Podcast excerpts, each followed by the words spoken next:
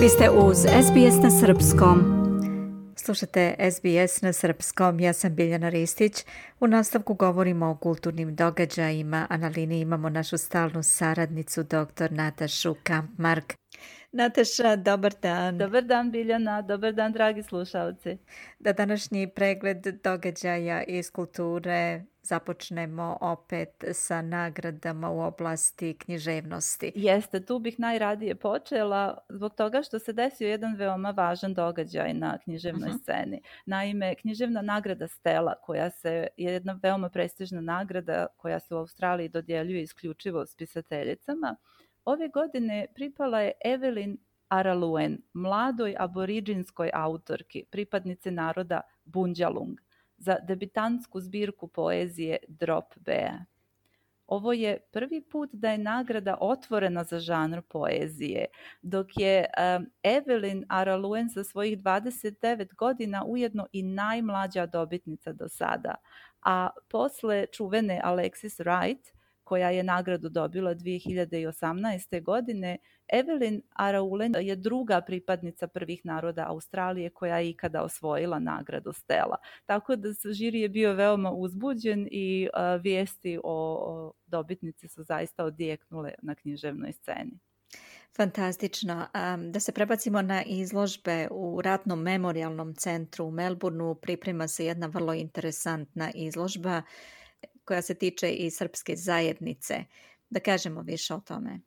E, tako je, Biljana, to je jedan veoma značajan događaj. 20. E, maja u, kao što si rekla, u ratnom memorialnom centru Shrine of Remembrance u Melbourneu. U 11 časova počinje otvaranje izložbe Australijanci sa Srbima u Prvom svetskom ratu.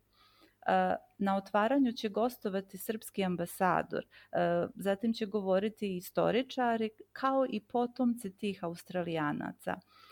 Ta izložba 20. maja će biti od 11 do 14 časova i isključivo je po pozivu.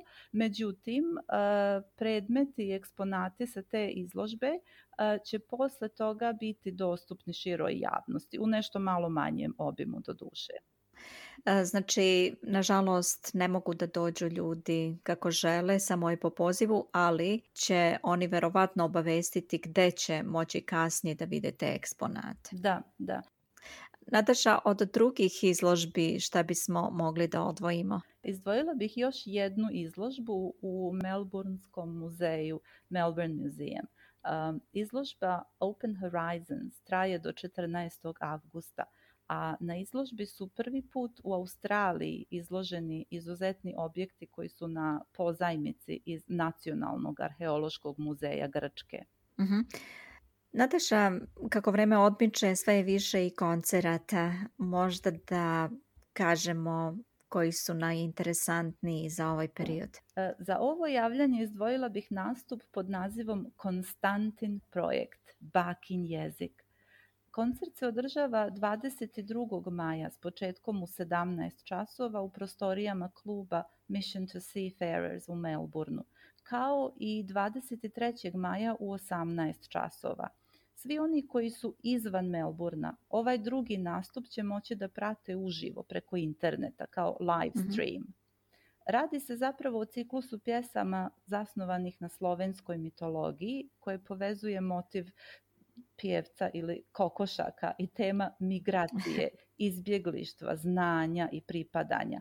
Ali najbolje da o svemu čujemo direktno od Nele Trifković koja je komponovala muziku za ovaj projekat. Novi rad koji je u stvari ciklus pjesama a, sa tekstovima pjesnikinje i pisca Alison Richards i sa mojom originalnom kompozicijom. E, sam rad je u stvari dio većeg grada, veće pozorišne predstave sa istim nazivom, koju Alison već duže vremena ovaj, priprema i ta predstava će se davati vjerovatno za jednu godinu do godinu i po dana, jer je multidisciplinarna, ovaj, u, u njoj se nalazi i pozorište i vizuelna projekcija i lutkarstvo i originalna muzika.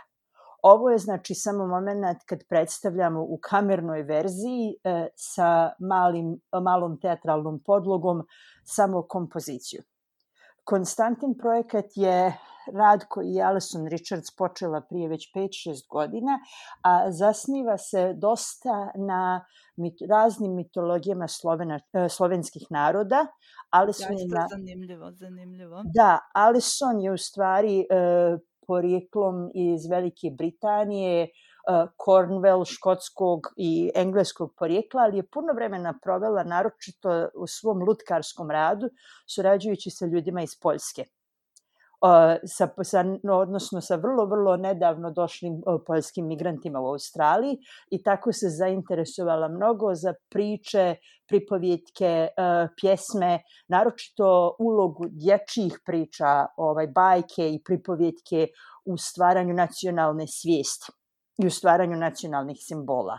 I primijetila je da naročito u tom nekom centralnoevropskom slovenskom miljeu, u Poljskoj, u Češkoj, u Slovačkoj mitologiji, a javlja se kasnije i u mitologijama u Srpskoj, Hrvatskoj, u našim mitologijama ovaj pjetao je vrlo izražen simbol u poljskoj mitologiji specifično kao heroj, kao branilac, ali malo kao i onaj interesantni i dobroćudni kloven koji u stvari uvijek ispituje situaciju, političku situaciju, društvenu situaciju u svojoj zemlji. Evo čuli smo Nelu Trivković koja je više rekla o koncertu Konstantin projekat Bakin jezik.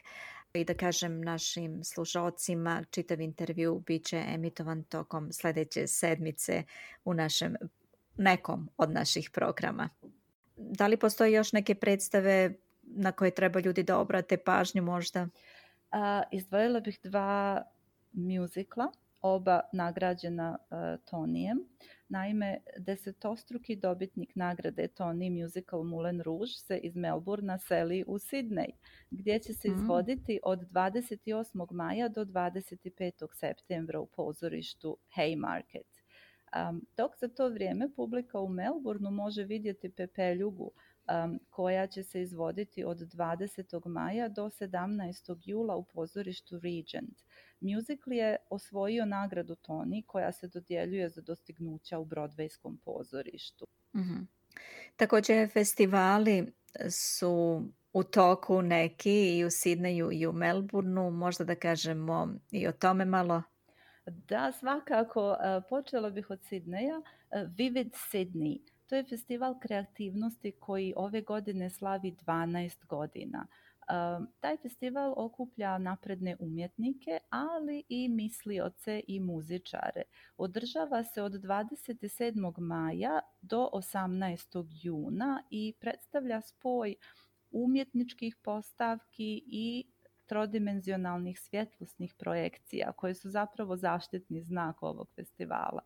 Osim toga, tu su i živi muzički nastupi, ali i rasprave koje podstiču na razmišljanje. Najupečatljivije projekcije očekuju se naravno na jedrima Sidnejske opere. Što se tiče drugog festivala koji bih izdvojila, on nosi naziv Rising.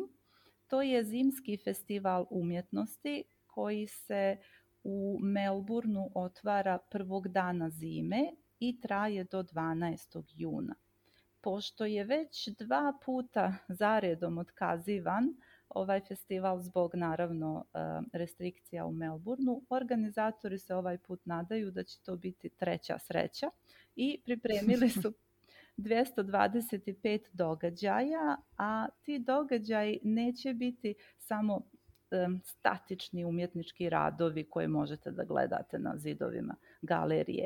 Umjesto toga, festival će zapravo zaposjesti ulice, bašte, parkinge, riječne tokove i krovove Melburna.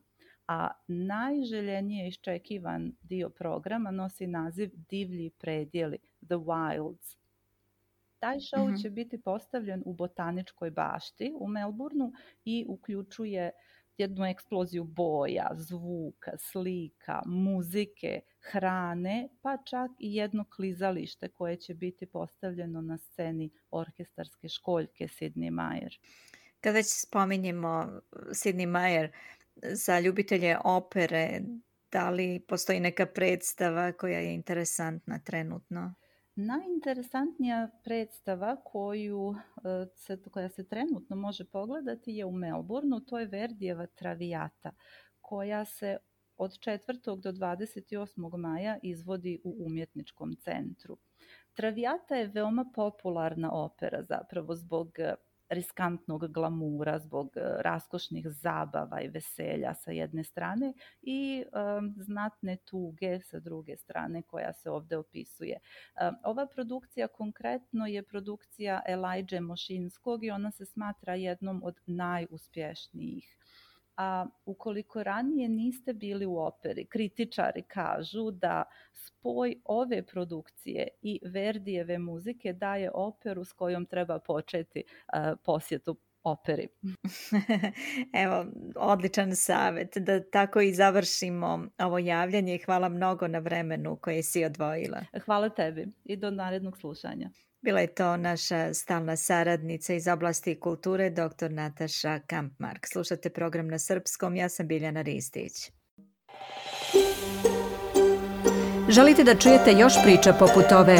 Slušajte nas na Apple Podcast, Google Podcast, Spotify ili odakle god slušate podcast.